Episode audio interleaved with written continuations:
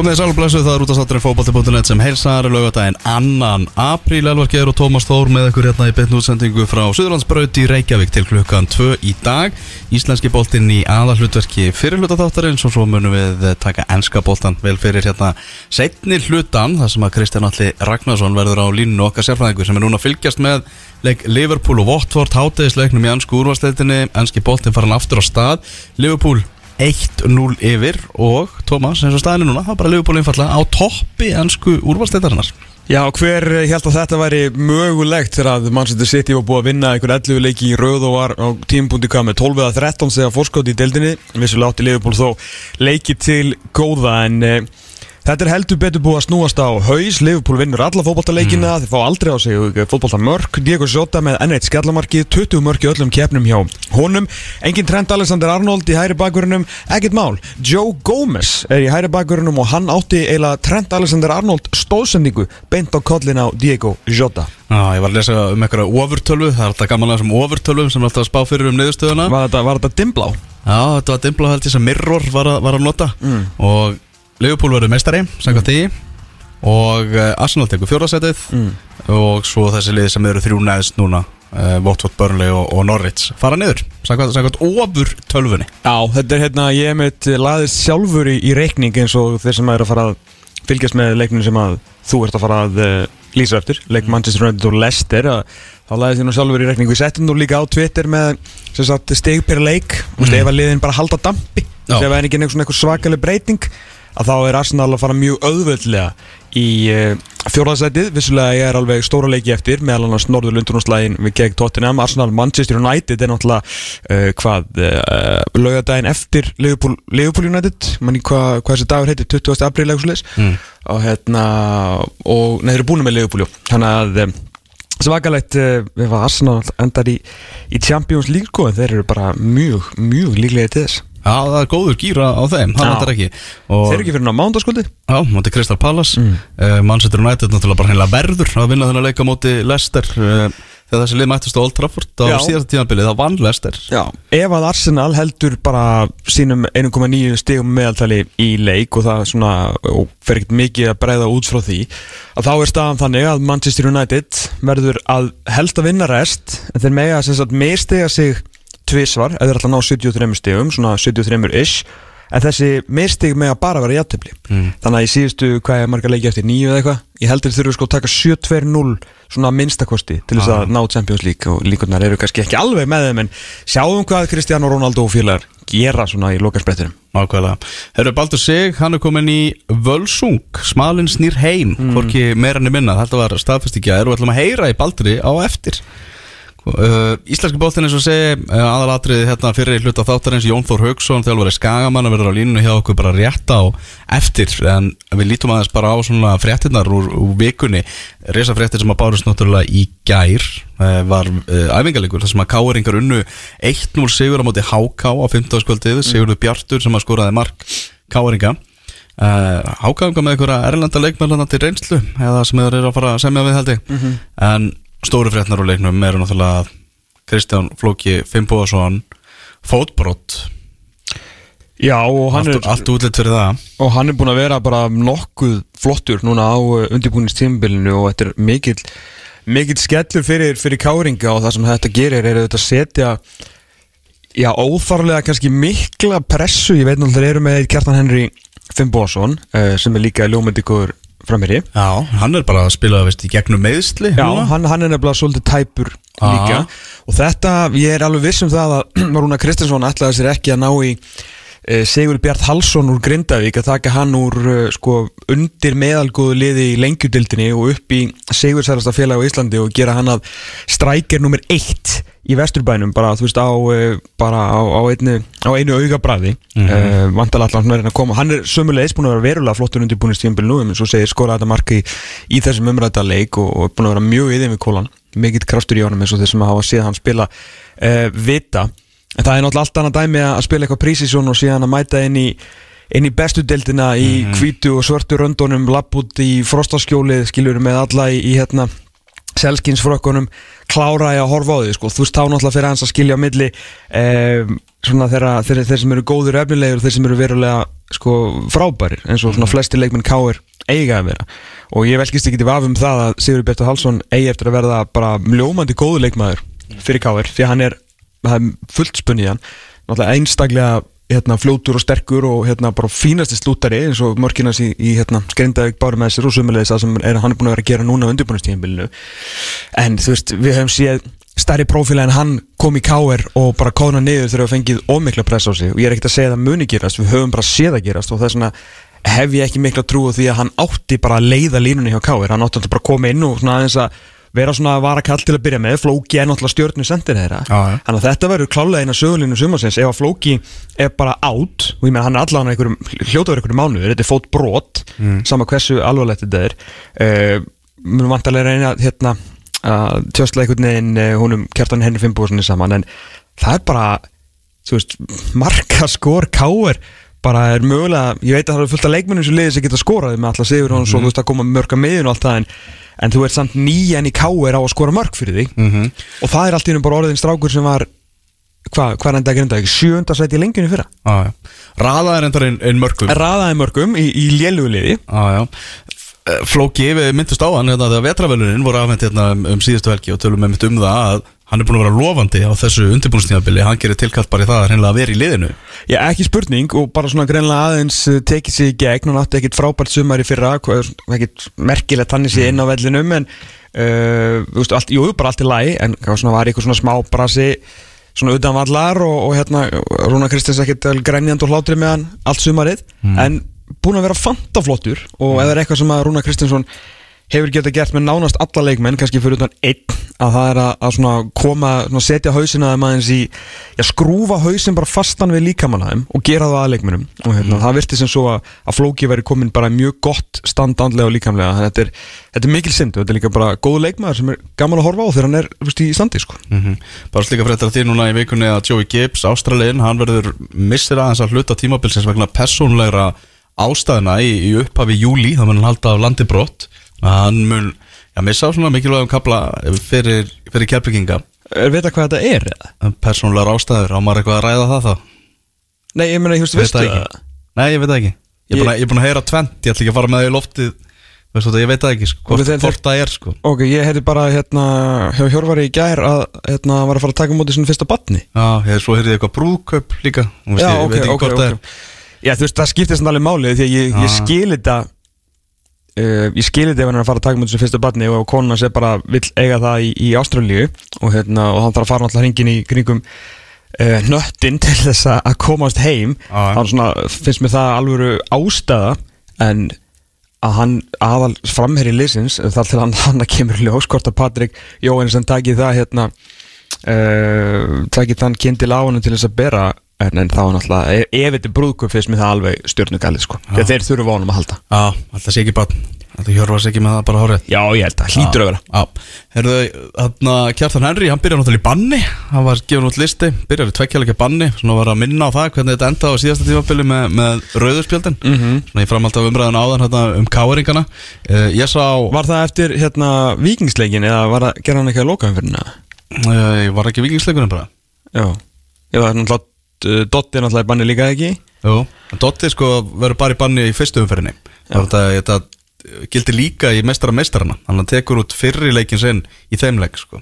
Já, já, ok, ok, snuðið Svo náttúrulega Dusan Taldi samt aðeins um það hérna, er Þorvaldur Átnarsson er hann búin að jafna sig hvernig það, veist? Það er náttúrulega hægt að dæma sko. Já, ég veit það ekki ég, Jú, hefur maður ekki séð hann eitthvað á Jú, undirbúrstíðanbíl jú, ég er alveg búin að sjá hann sko. Ah. Nei, hann fór hérna í 14 masaklúta viðtal við Reyka G.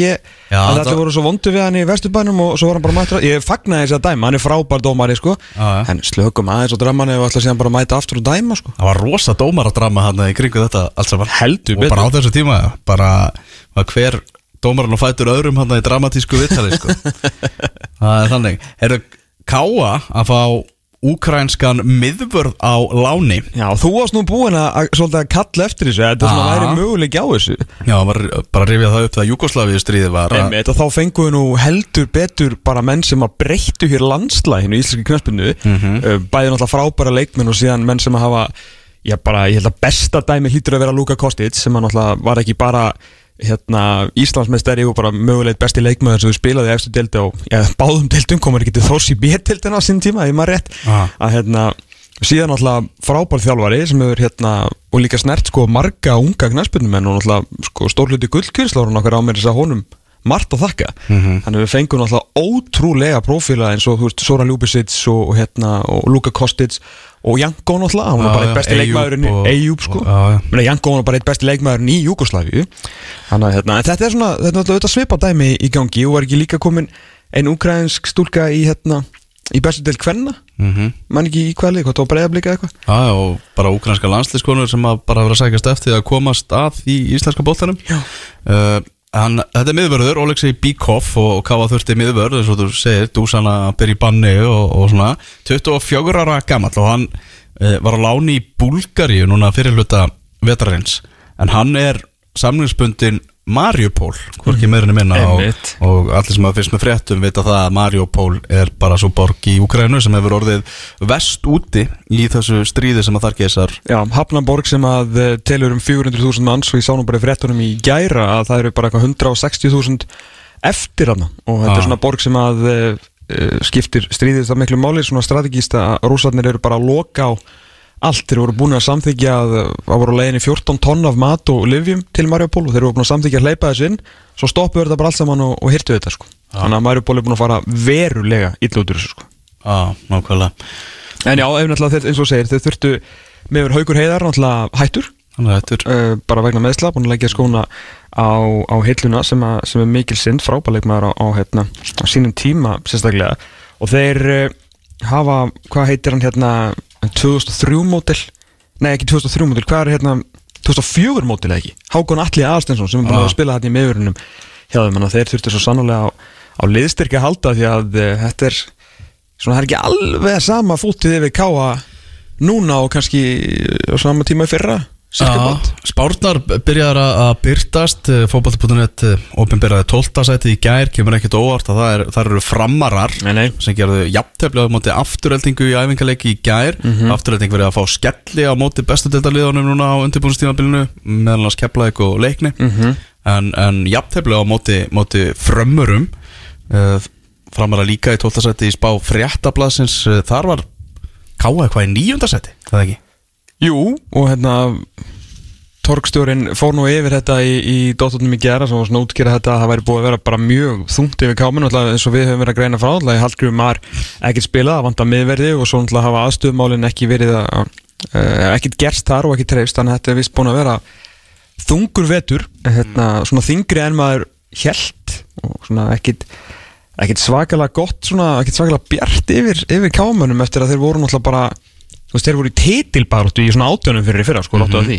Og hvað þá Evrópu baráttu í svona 20 fyrir? Þannig að þetta er svolítið, er svolítið hátt fall með hvað þeir voru komnir að segja, svona komnir langt á leið. En er náttúrulega þeir landa alltaf að því að þeir eru náttúrulega með frábæra þjálfara þannig að ja. það telur alltaf í sko. Mm En maður bjóst við svona að þeir myndi láta meira til sín taka á leikmannamarkanum í, í vetur sko.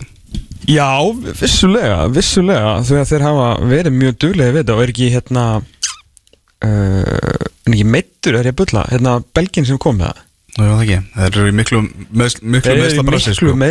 sko. Og þó þeir eigi unga stráka þá ætliði nú svona ekki að gera þá að svona aðalmönnum strax þeir reyndar margir bara að taka sér stöðu og, sæti í liðinu eins og, og tvíburarnir og, og fleiri til. En, en menn bara svona erfitt fyrir Arnar, hann næri einhvern veginn aldrei að halda liðinu bara þú veist, gangandi, það er alltaf eitthvað. Þú veist, ef það er ekki ásker þá er það elvar og ef það er ekki elvar þá er það hérna þá er það Grímsi og svo þetta og svo bannið hjá Dúsan og ég meina reyndar skilur eins maður stöðu og allt það að, hérna, þegar Jajalo meittist í fyrra þá náttúrulega þá var náttúrulega happafengur á endanum þegar Stubbur kom inn í þetta en það var samt dæmi um solidið eilífa óefni agurýringa hérna káamanna um að hvað varðar þessi meðsli og það er ekki alltaf eins og fær bara, þú Stubbur getur ekki spila alla stöður Nei. með meðast, hann er vist bara í markinu Mhm. Þannig að ég, já, nýjunda seti, ég varst það kannski svona helviti neðalega með svona grunninn sem þeir byggja á og þjálfaran sem þeir hafa og hérna fjármununa sem þeir virast nú vanulega að hafa á milli, hafa á milli handana en þetta var,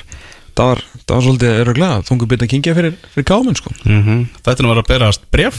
Æfingarleikur í okkur Indavík og fylki á Campo Mar í, í gæra á Spáni. Já, uh, lengju deildaleikur Já, 2-2 jafntefli eh, Eitt eitt í hálfleik Kairó uh, sem að skoraði fyrir skoraði uh, fyrsta markleiksins Mattias sem að jafnaði. Nikolás Val kom fylki yfir og Sigrun Rúnarsson sem hann jafnaði fyrir. Sjónni Rúnas Sjóni Rúnars sko. Á nafnið? Trúbadóra nafni sko.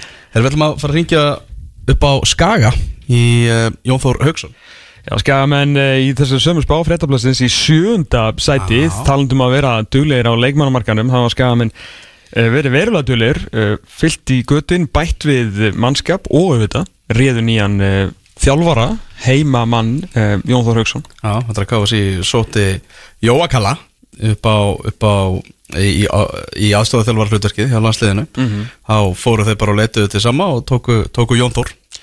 Já, og það var svona var mjög auðvelt að spá að það erði svona erði lendingin en þetta, þetta vond verið sama en mjög gott verið skagamenn og starf sem að eh, Jóni Þóri hefur um, dreymt um lengi Jón Þór Haugsson hell og sæll Sælur og blessaður. Hvað segja skagamenn í dag þegar að eh, já, það eru 16 dagar í bestu deltina? Við segjum bara, bara virkilega gott, það er sól og blíð á skaganum eins og við sjáum hérna út á klukkan hjá okkur og vorum að klára æfingu og, og erum bara, erum bara brattir. Ok, uh, talaði eins um hérna undirbúinistímbilið uh, hjá þér, þannig að þú férst ekki fullt undirbúinistímbil náttúrulega það sem að þú varst sóttur hérna með setniskipunum hvernig, hvernig var svona að koma inn í þetta á þeim tíma og, og hvað ertu búin að vera að reyna að gera? Það er auðvitað, auðvitað hérna, mjög sérstakur tími að koma inn í og, og auðvitað mar- að ræða það að hérna, þessar auðvitað þjálfara breytingar voru ekki, voru ekki hérna, komu náttúrulega óvæntu upp og á mjög sérstakum tíma á, á, á Íslandi að vera skipt um þjálfara á þessum tíma og hérna, manna, það er auðvitað mjög sérstakar aðstæður en, en sem betur fyrir að þá auðvitað þekki ágætlega til hérna á skaganum og hef, hef alltaf búið hér og, og hérna þjálfaði þetta marga af, af, af leikmannuleysins og, og, og, ég er þetta mjög heppinn með það að, hérna mjög öflugt þjálfara teimi sem að, sem að hérna Jókalli var búin að ræði kringur sig og gerði það virkilega vel. Þannig að hérna þannig að Þannig að fyrir að fyrsta, ég þurfti ekki að fara í, í breytingar í því eða, eða finna mér menn til að starfa með mér heldur, heldur mjög öfluga hérna, þjálfara í, í teiminu sem að voru búin að vera í, í hérna vetur. Þannig að, þannig að það auðvitað hjálpaði mig gríðarlega fyrstu vikundar og, og, og núna að, hérna, að, að vinna með þeim og, og, og, og sem sagt, e, þannig að það voru ekki, ekki enga breytingar á því þannig að, hérna, þannig að- að það hjálpaði gríðarlega mikið og, og, og svo er þetta bara, hefur þetta bara gengið virkilega vel og við tölum strax um það leiðu við kom inn að, að og lagði bara áherslu á það að við værum að fara í fulla ferð í okkar loka periódu á undirbúinstíðanbyrjunum, við loka undirbúningin fyrir mótið, þannig að hérna, þannig að leik fyrir leik og viku fyrir viku væri stígandi í liðinu og sem betur fyrir þá hefur það gengið eftir og við erum bara mjög ánægð með það, við vorum að koma úr æfingaferð til spánar þar sem að, sem að kannski svona, svona liður í því og gekk virkilega vel og, og hérna þannig að við heildinn og, og, og, hérna auðvitað bara þessi, þessi atrið öll sem að, sem að ég kemur inn í þetta því hefur verið tekið mjög vel og, og sem betur fyrir höfum náð stíganda í, í hérna í liðið. Að vísu og þá, þá lendum við í smá smá núlpunkti sem maður hafði svolítið áhyggjur af í kringum, kringum blika leikinum daginn í lengjubikandum og þá, þá mistu við liðið í COVID og, og hérna Mm. og maður hafði þetta smá áhyggjur af því á þessum tíðanbúndi af því að það var, var nýbúið að skipta um þjálfara og, og hérna að við værum að fara aftur, aftur kannski niður á, á 0 punkt svona, svona stuttu eftir þjálfara skiptingu breytingar þannig að, að en, en sem betur fyrir þá þá vorum við frekar fljótir upp í, upp í sama takt og, og það er auðvitað bara hrós til, til leikmanna og, og leikmanna hópsins að, að hérna er frábært að vinna með, með þessum leikmannahóp og, og, og erum hérna í, í, í frábæri umgjör og aðgrænsi þannig að mm. hérna, ég er bara nokkuð brattur á þessum tíumbúndi. Þú er náttúrulega fyrir utan að fylgjast almennt vel með skaganum það sem er náttúrulega þinn klúpur og þá varstu náttúrulega líka að fjallum þetta uh, hérna náttúrulega lengi búin að vera svona svolítið Já, svona í mjög dítilegur um pælingum myndi ég halda með, með, með lið og vantilega verið mjög svona skýr sín hjá þér uh, bara strax hvað, hverju þú vildi breyta ef einhverju og svona Mhm. að þér náttúrulega getur ekki verið það þægilegt að taka við af Jóakalla, ég meina hann er mjög svona veist, iconic fígúra skilur hann er svona, hann var alveg gjössan að bara stimpla sitt, sinn svona stimpil á þetta lið Já, ég meina algjör martröð að taka í liðinu. En liðið þetta bara vel þjálfað og, og, hérna, og á þessum tíumbúti þá þetta hjálpaði það gríðarlega vel en, en kannski stæsti faktor nýjus er þetta bara ég er fætur og uppalinn á aðgrensu og hefur þetta alltaf haft bara gríðarlega fastmótaðar skoðanir á því hvernig, hvernig þetta félag uh, hérna, virkar best. Hvernig er það? og, og, og hérna það er auðvitað bara byggt á hérna uh, okkar gildum þú veist að sé hérna liðsheild virkilega öflug liðsheild inn á vellinum ef að, ef að, ef að fólki á agransi finnur fyrir þeim krafti inn á vellinum að menn séu virkilega í þessu til þess að að gera góða hluti fyrir, fyrir knarspingufélagi í að þá, Mhm. þá fáum við samfélagið og bæjarfélagið með okkur og finnum fyrir gríðarlega öflugum stuðningi þegar að það næst að þá ertu komið með eins og við sáum bara að loka kaplanum í fyrra að, að hérna, það er all sem að, sem að hérna, skiptir bara verulega miklu máli fyrir þetta, þetta knaspinu samfélag hérna og, og, og, hérna, og, og, það er byggt á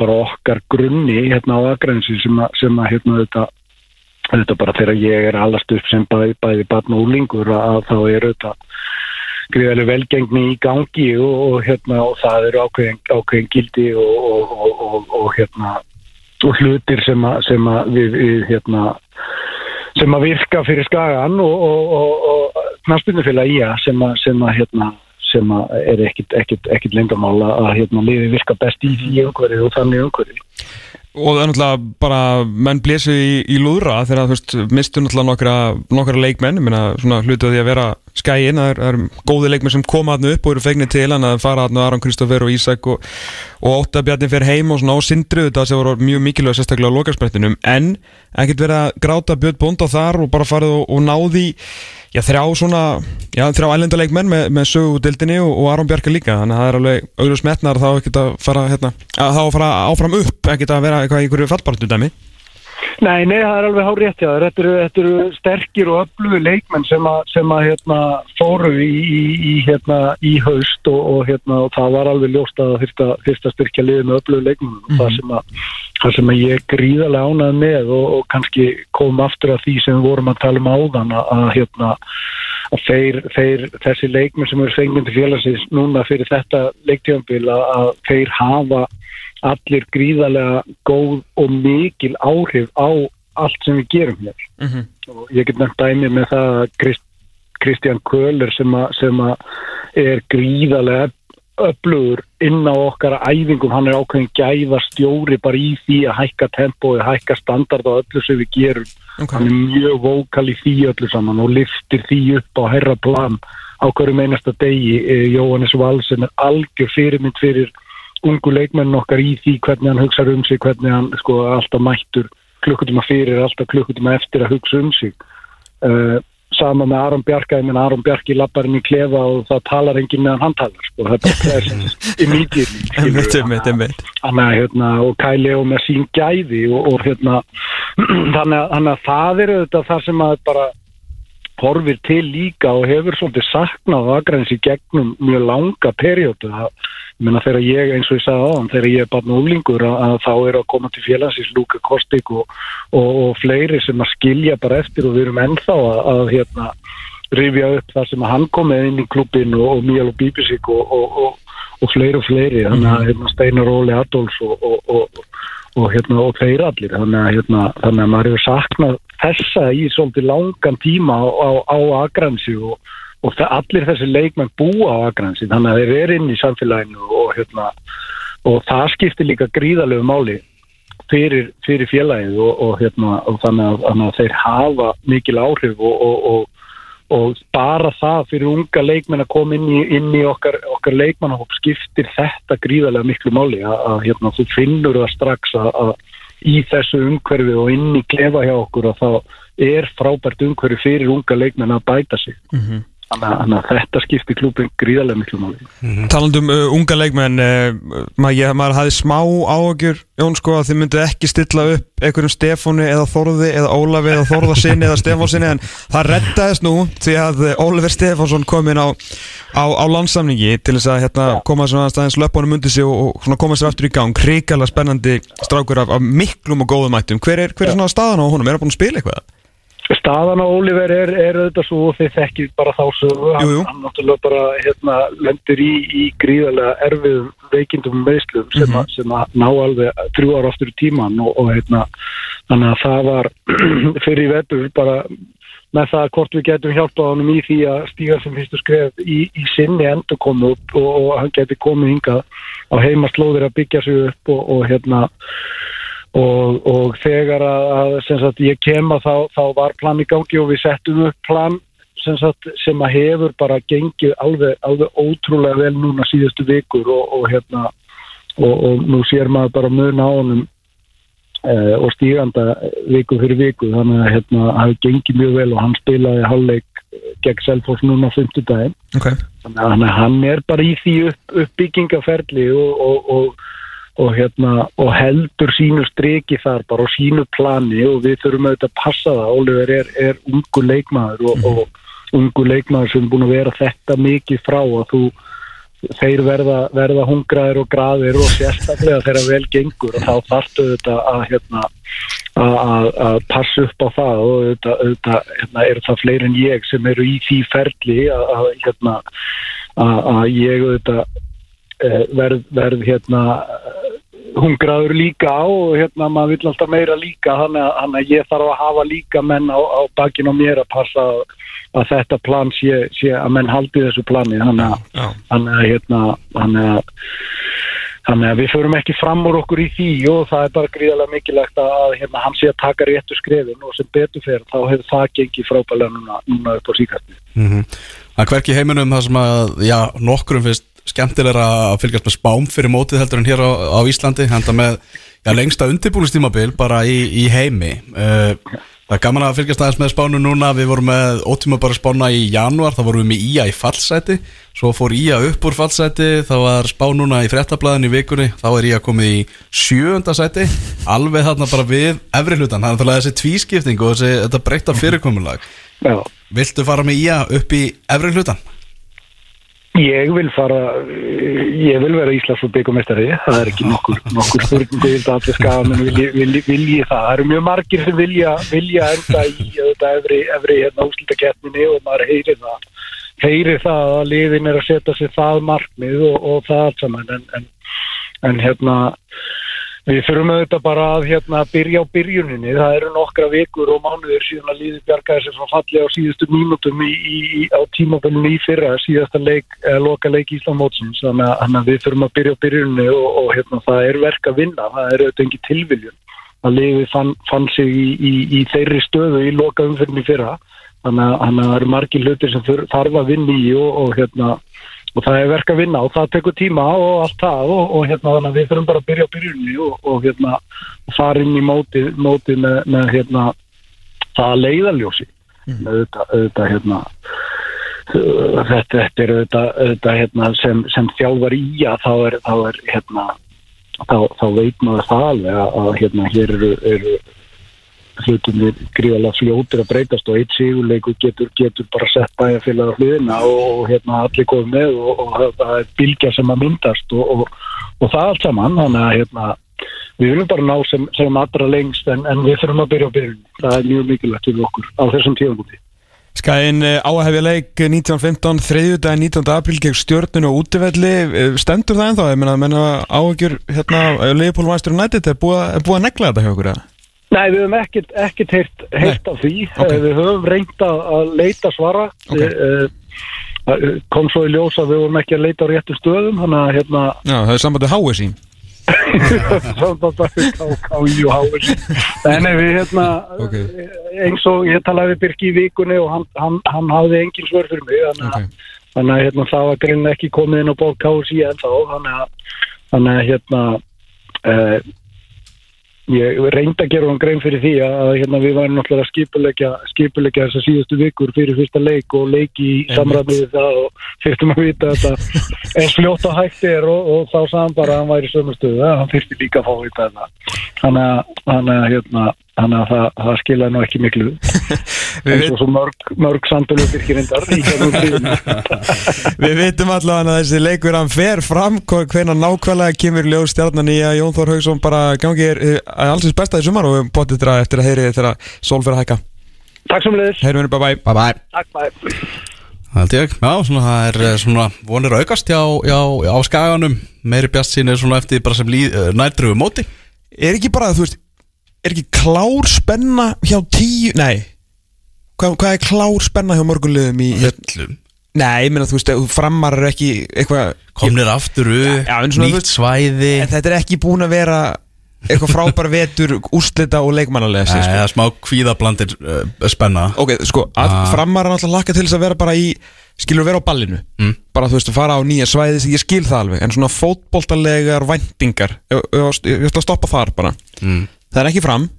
Mm. uh, víti ekki alveg með kepla, ég held að þeir séu alveg þokkalega sáttir svona þó að Já, ég held séu að- þannig ég held að séu smá hrættir samt. Já, getur, Ah, já, En getur. er spenntið fyrir færiðingnum já, og káa kannski svona eitthvað svona tónt, allar ég myndi segja svona nýju lið, bara svona verulega svona peppuð, sko. Já, mikill gýr uh, FH náttúrulega verður betri í fyrra. Mhm. Stjarnan verður miklu betri en heldur í fyrra. Þú veist, er kannski spurning með valsarna að aðeins búið að vera að berja þá á Já, það er ekki alveg gengið vel hjá þeim í æfingaleikjum og öðru Herru, heimur að komin í uh, tvær sexur Í æfingarleiknum mútið breyfleiki um daginn Já, ok Men Hann endaði með jafntifli Já, Ég heyrði að það hefur bara verið síðasti æfingaleikur blika fyrir mót Já. Það er bara búið að vera álag á þeim á Prístisson fóru hann í Atlantic Cup og Uh-huh. eitthvað og nú alltaf er bara að æfa fram að því að þeir keppa í meistara meistarana má móti þínum mönnum í, í Viking uh -huh. hann er 10. apríl 10. apríl, ég fór og sá En ég, ég talaði um mann sem að sá hann í leik Ok Og hann sagði að uh, yfirburðir blika mm. hefði verið ómænlegir Og eitt eitt hefði ekki gefið eina einustu raunmynd af þessu leik Og Já. valsara hefði bara verið lélegir Ég heyrði að Adam Örn hafi verið ríkalega öflugur þ- Aha. þa- þann tíma sem hann spilaði Ég er- Káa ég- reyndi að fá hann norður hann enda- endaði að semja við uppættisfélagi Já að Það er samt líka alveg sögulína fyrir sumarið. Hva, Hvernig er þetta högga Davíð Ingvars Adam Arnar dæmi? Já, það er einmitt Það, verður, það er alveg samkeppni. Já. Mm. Davíð Ingvars vildi fara til Örubró en fekk ekki að fara því að bara tilbúið var ekki nóg hátt og ég skil blikan alveg það, það ákveði að vera að selja menn fyrir eitthvað klinkaðir þurfa að halda sko. En það er eins og séu samt að undirbúa sig fyrir brottkvar hans sko. Mm. Þú veist, með að fá hann Adam Ötnin þó að vera þá með tvo réttvætta ef að höggi fyrir yfir eða Adam fyrir yfir, ég veit ekki sko. Að hérna Já. skrítið einhvern veginn að búa til einna, ég meina höggi varða á einu augabræði bara eitt besti hæri bakurinn í deildinni og sérstaklega góður fyrir breyðablík eins og þeir spila. Þá sé ekki Nákvæmlega. eitthvað besti varnarmaðurinn per se þá náttúrulega er breyðablík 67% með boltan hann hentar þessu rosalega vel. Skrítið þá einhvern veginn að fara að kippa honum út sem ég veist um að gerist en hvað ætlar þá gera við Adam Örd sem er að koma heim sem atvinnum maður Já, verður áhugavert. Nó æfingarleikjum í gangi. Ég sá uh, mínamenn í leikni vinna 4-2 sigur á móti IPVAF uh, Gaman að sjá aðeins eigamennina já, hvernig voru þeir? uh, Þetta var mjög kaplaskiptur leikur. Þeir byrjuðu mjög illa. Uh, Mun skára hjá þeim í setna áleik vantaði Andrar Rúna Bjarnason hjá þeim. Mm. Hann spilaði ekkert í, í leiknum. Spurning hvernig staðan er og honum. Meittist eitthvað út í æfingaferðinni Í svona leika móti afturöldingu held ég. Þetta er ég bara, ég fann að ágjörð að verði eitthvað bara skelvilegt sumar hjá okkar manni, Andar Rúnar sko. Þá ég meina, ég, ég er að meina svona, þú veist, hvað var það þetta? Hann er náttúrulega ennþá að glíma við long covid. Mm. uh, líð, hann, er, hann er náttúrulega ekkert komin á stað sko. þetta er náttúrulega heljarinn stjöfisir skrokkur til að ræsa. Mm. en vonandi, ég vonandi svo sannlega að hann komist á að lappir, hérna, hver var í markinu Er það Gauði Karra var í markinu allan, allan tíman Það kom svolítið óvart. Guð minn góður þetta aukarspinnumark hann. Já, er Gauði ennþá á leiðin í hotnið er það vita? sem Emil Berger skoraður Vantaði líka Alex Frey Hilmarsson í, í liði já, ok, þetta var 42 leiknir eða ekki? Jú, 42 leiknir, Eidur Aron skoraði hann að sjálfsmark Svo mætti Felix Ört Friðriksson skoraði með hörku skoti. Hver sá okkur að hann er þið góður í sumar? Var það andrum? Nei. Uh, jafnvel. Það, ekki, það var alveg einhver, það er mikið spennað fyrir Felix að í Já, hann geti orðið að eiga mjög upplögt sumar. Uh, Emil Berger sem kom leiknið hann í 2-1 með þessu aukarspindumarki sem þú talaður um uh, Mikael Dahl heldur áfram að skora Svo var það Magic. Sá Pólski Magic. sem að, sem að skoraði fjögur eitt og eitt og það er Kjartansson sem að mingaði munin fyrir, fyrir eigamenn Já. Eigamenn svolítið svona svolítið óskrifa blað. Menn á að svolítið vera að spá þeim svona fyrir ofan fallsvæðið. Já, aðalega, hvað surg er þetta? Já, þetta ekki, veitum Smá surga hvað er gangið hérna. Já, þetta er ah, alltaf með þessa Hvað er er fyrir þristinn? Er eitthvað skórað það? Já, það er skora, með skora Já, hérna Já, þetta er náttúrulega bara byggt á því veist, það, það, það segja allir að sami í BF Mm. Þeir eru með Eið Aron, Gauja Lýðs og Andarunar Já, Og það, það er bara sjöunda sæti eða áttunda sæti í, í bestuðinni Já með stjörnu í, hverju línu. Já, þetta bara virkar ekkert þannig sko. Nei, Þeir eru með hérna, markmann sem þarf að sanna sig aftur í leið Mm. uh, með unga strákar sem hafa ekkert mikla reynsli þarna en síðan eru þetta með líka fleiri góða eins og, eins og Felix og svona en ég menna deildin er bara ógeðslega sterk. það er nefnilega máli sko. Það er meðan bara- alveg hrottalega slök Mm. að þá er besta deildin orðin sko mögulega bara svo besta í langan tíma. Þannig að vera svona að spá þeim ég tala nú ekki um ef að stjórnum strækir eða er bara ekkert að kannski fara að vera eitthvað heil heilsu framan að móti þá kannski maður róa okkur aðeins og spá eiginmönnum bara hérna mögulega í efri hlutum sko. Ég er bara að hugsa að þið gætu alveg súast niður í fallbaróttu, held ég. Já, klálega Já, svolítið svona, eins og segi, óskrifa blað fyrir, fyrir sumarið. Já, svo bara þetta, eins og með öll líð getur allt smollið hérna í gang en ég er svona, ég tek öllum öllu ofpeppi á, á IBF alveg með, með semingi sko. Já. Það er alveg klart mál sko. Þú veist, sama hvernig þú veist, deltið fer það falla alltaf tvölið Rétt, Ef að tólulið eiga gott sumar, þá falla svo tvö. Rétt. Það er þannig og þetta, þetta er rosa, eins og segi, 16 dagar í, í bestu deltira í að opnuna leikurinn verði. Ég hérna Ég er smá ágjur að þessari fyrstu umferð sko. Ég er svolítið búin að vera að spurja þá sem ég hef hitt svona, sem er í kringu félagin hvað hérna uh, hvað er að gerast? Þú veist, er menn búin að fá fána og svona sitt sko? Af því að þetta er bara að láta ITF vita af einu. Mm. að þú veist, ég er búin að segja þetta áður ég segi þetta núna og öruglega nei, verðan þetta ekki næst, en þú veist, ég hérna nefnum að ringin í með eitthvað.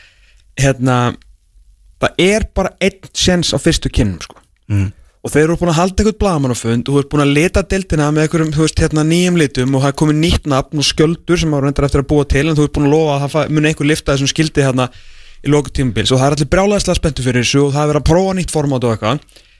Ef ég fer reynda fer ég ekki heldur á fyrsta leik í mótinu af því ég vil líka úti þá því ég er fyrst í vinnu sem heldur en skilur ef að þú ferð á Víkingur FH Mm. 18. apríl Nýlendur þetta nýlendur hautan og þú mætir hana, þú veist, skilur kannski ekki, lifir henni ekki kannski syngjandi en sálinn verður tindrandi björt hjá þér og þú mætir á völlin og þú sendir mér einhverja myndir og skilabóð þar sem ég verð statur í, í hérna liðbúl þenn tíma að þú, að því að líði bara eins og sért á okkur leik skilur í landsbankadeildinni þá mun ég trompast.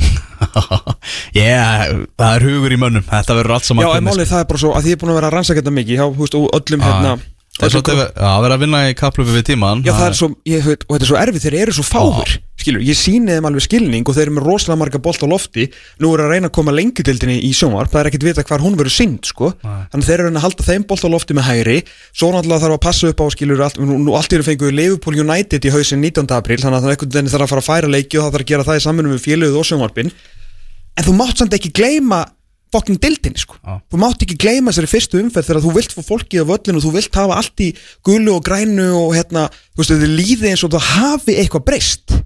Það er leikillin að það gengur ekkert í sjöttu umferð skilur mig, Nei, nei. það verður bara vera í fyrstu umferð. Já, þannig að bara please, ekki þú veist, ég nenni ekki að vera að því ég er búin að vera svo jákvæða eitthvað í TF núna í marga mánuði eftir að tekið svona fjögur ár á mótið þeim sko, þeir eru gerðu ekki neitt og voru bara rífast og eitthvað og ég nenni ekki að fara aftur þangað Mhm. Herru, við ætlum að fá auðlýsingar óskalag handa þér og það strax á eftir er það smalinn Baldur Sigursson sem verður á línunni.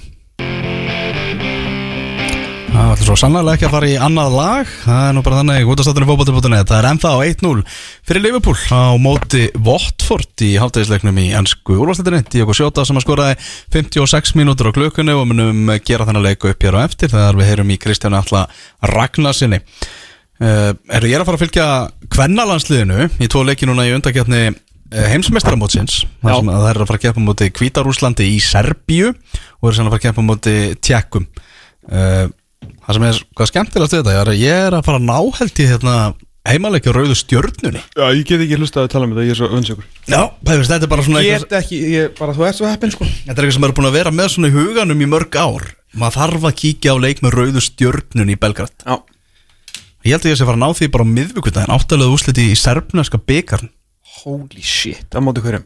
Mátti einhverju leiði þarna, TSC eða eitthvað? Já, já, þeir. Já, Það þeir eru búin að röflur heldur núna, með nýjan framir Já, ég þekki ekki mörglið þannig veit eitthvað. ég þekki, þekki rauðu stjörnun og partisan og það er ekki mikið meira það sko. Ég er að verða við ykkur það að ég er að hólkast verulega upp fyrir EM í, í Róðaram sko. Já. Að ef við fáum einhverja markurslu þá held ég sem að fara að gera alveg hluti á, á þessum múti sko. Ég á með á eitt leik er að vonast til að komast, ég veit ekki alveg hvernig ástandi verður hérna verður heima hérna, en við eigum allan með það ég, og- hérna, Jósina mín á, á völlin og það hlakka verulega til sko. Já, nákvæmlega, þetta er svakaðið ár hjá, hjá kvennalandsliðinu.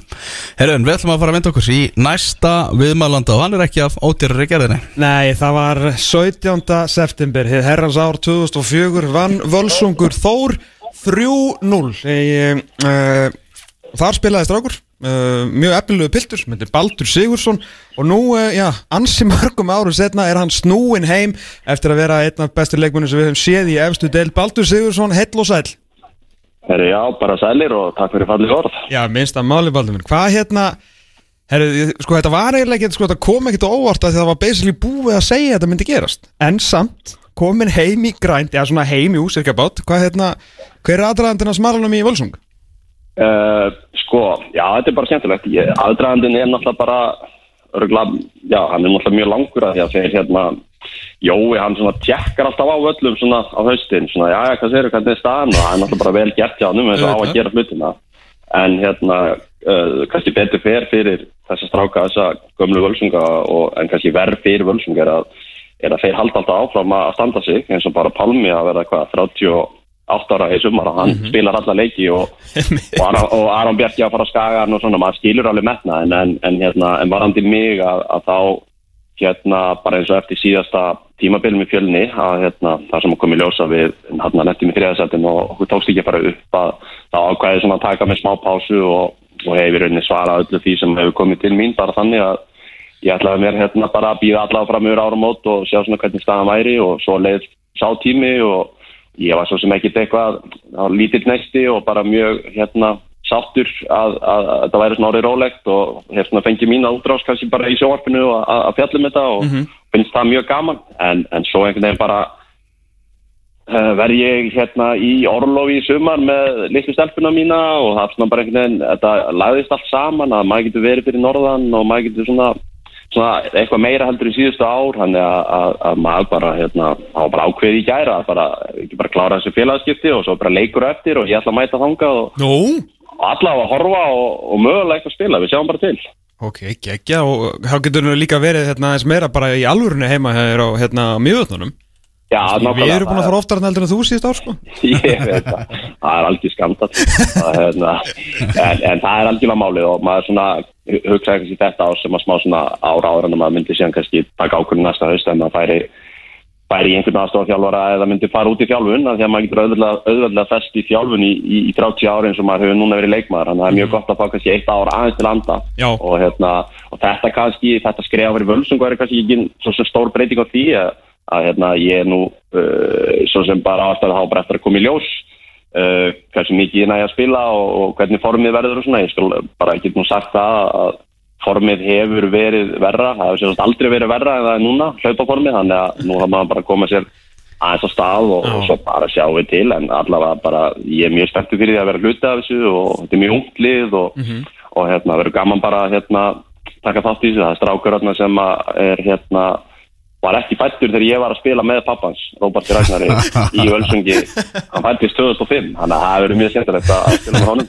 Já, það er leikur, leikur Njarðvík Völsungur í undan úrslitum B-deildar lengjubikarsins liðsa viljur, það mættir íjar í, í, í úrslita leik og, og þú kemur mögulega við sögu í þessum leik klukkan fjögur í dag í, í netto höllinni Já, það er aldrei að vita. Ég, hérna, við verðum bara að sjá til það, hvernig, hérna, hvernig þetta fer. Ég ætla allavega að mæta og, og verður gaman að hitta á strákuna og, og, hérna, og jóa á alla bara. Þannig að, að við verðum bara að sjá hvort að við hvort að við hérna, fáum einhverjum mínútur í dag.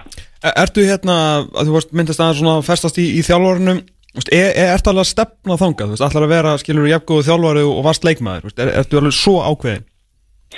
Um, mér hefur liðið þannig allan, eða svona þegar að fór að síga á setni leiðina leikmannfællinu, þá hefur mér liðið þannig ég hafi eitthvað fram að færa Já. og, mér fannst og tók hérna uh, tók B-stíð síðasta vetur og fannst það bara gaman og, og hérna og mér finnst þetta alveg eiga vel við mig og, og ég fekk uh, alveg nákvæmlega út úr því sem að ég hugsaði að ég gæti fengið út úr því að vera spilandi afturþjálfur á fjölni þrátt fyrir að það sé krefjandi en, en það var svona leið til þess að kynna staðin sínum einn og hvað þetta fylgur í sér og hérna, tíminn sem fyrir í þetta og samtölinn og, og skipulagningin og allt þetta. Þannig að það var mjög góð skóli og hérna, þannig að mér hefur liðið þannig en það er samt örgulega ég held að það sé mjög gott að vera ekkert að taka þessi ákvörðu núna bara hérna, undirbúið sig aðeins og svo þegar maður verður aðeins búin að hérna, uh, kvíla sig fyrir, fyrir svona næsta höst að, taka það bara ákvörðun og, og, hérna, og á sama tíma er vissulega bara gaman að halda sér svona einhvern veginn inn í inn í þinguðinni með því að vera já. fjallum boltan og, og, og vera í því í sumar og, og þá líka fylgist maður vel með og svo er ekki verða að,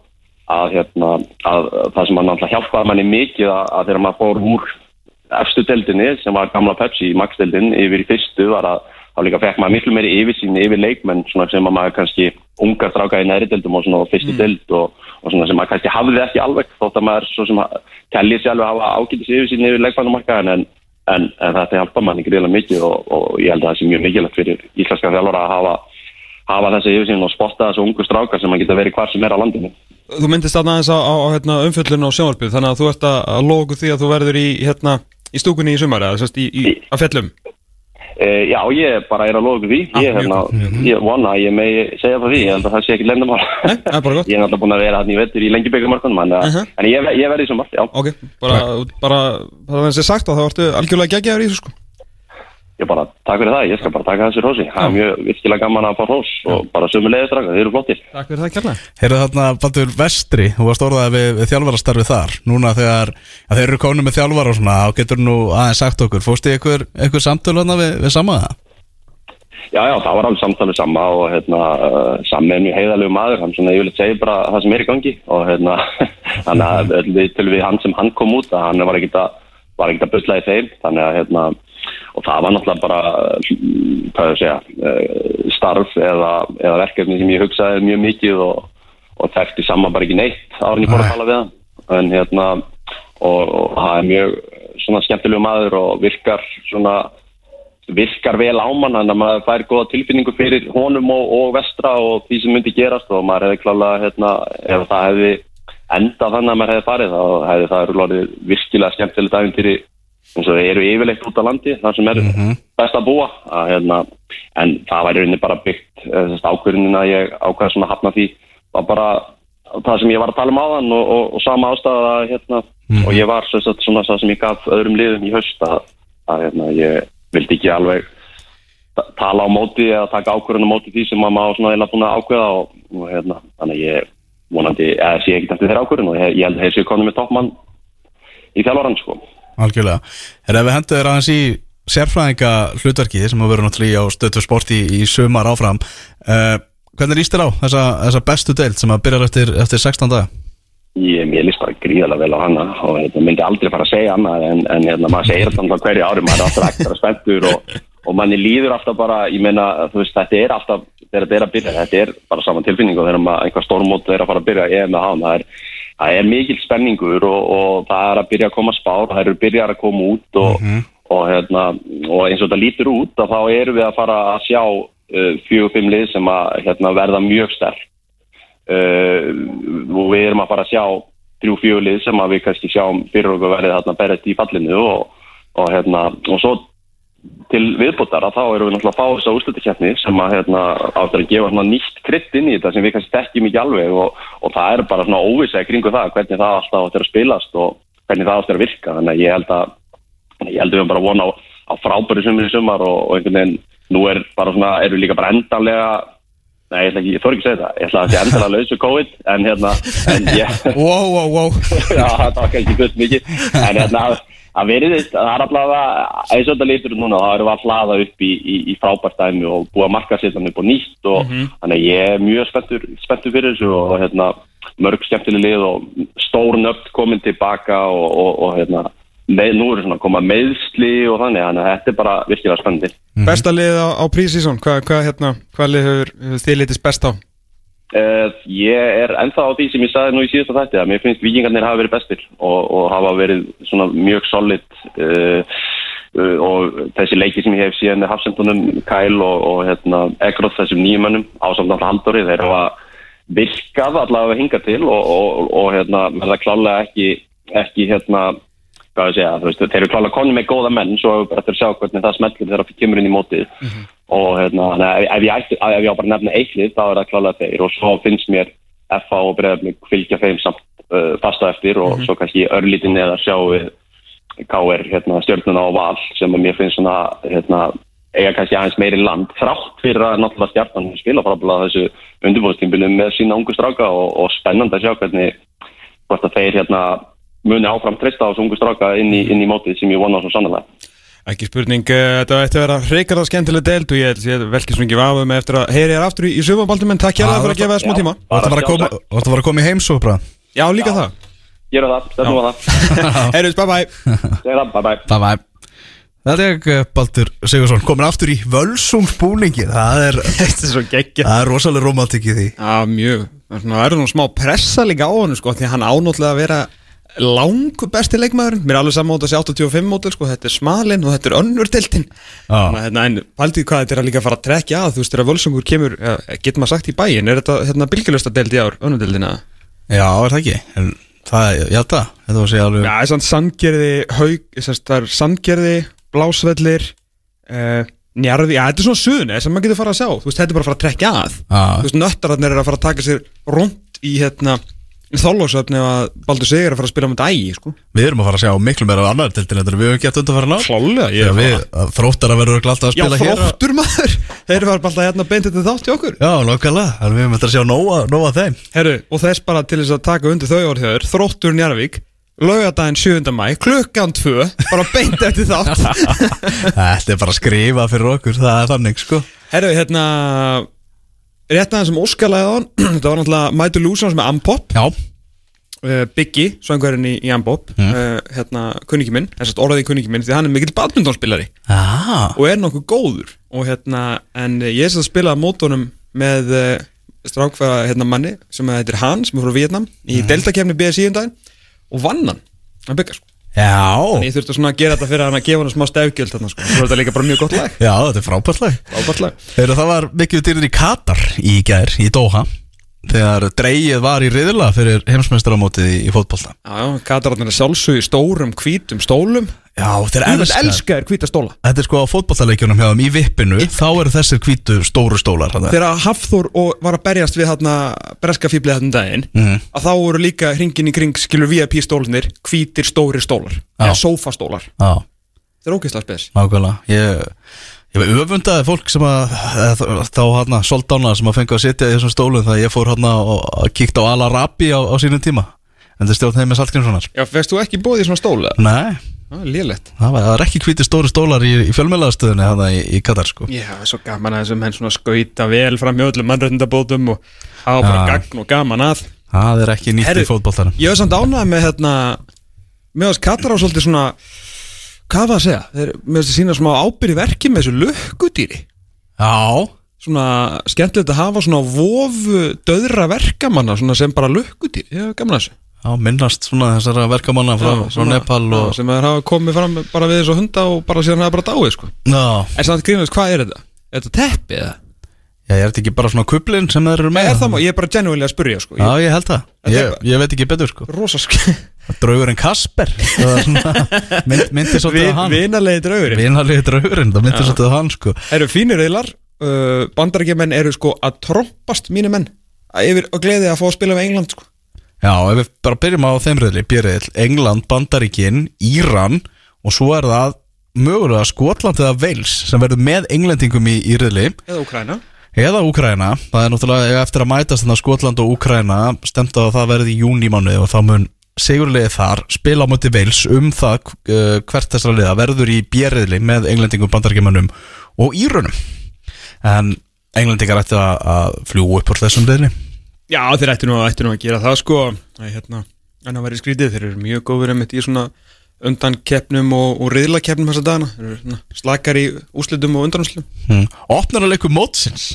Katar Ekvator Herðu, hann er hérna 21. november Já, Ég er bara ánæfnilega tími í klippingu hérna.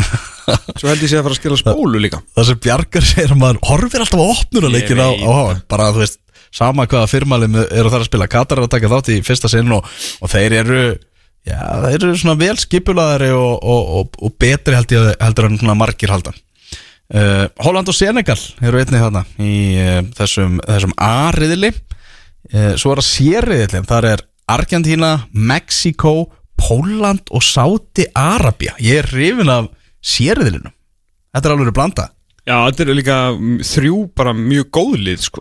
Það er eitt, eitthvað sem verður, verður fúlt þarna sko. mhm. Maður séð á HM 94, 98 þegar ég fengu hérna sátarnir fengu alltaf að aðal fréttin var alltaf að leikmenni fengu nýjan bensin á í stig. Ég maður mann fannst alltaf merkilegt.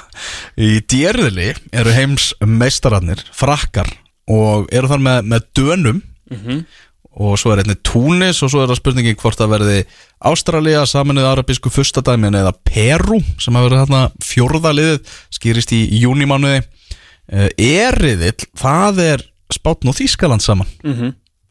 uh, Japan einnig og svo er það eiga eftir að mætast Kosta Ríka og Nýja Sjáland í úrslitaleikum um hvert verður fjórða liðið þar.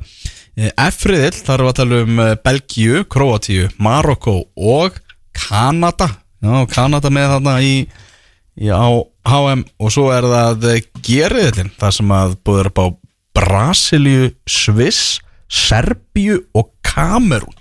Er þetta ekki annað sinn sem að Brasilia, Sviss og Serbia eru öll saman í reyðlið? Eða, Ég held það.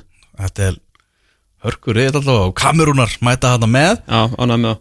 Svo er það háriðillin þá er eh, Portugal, Uruguay, Suður Kórea og Ghana. Með hverjum heldur að hafa? Uh, Með hverjum höldum við? Getur, síðast ég alltaf með Íslandi. Já, ég líka.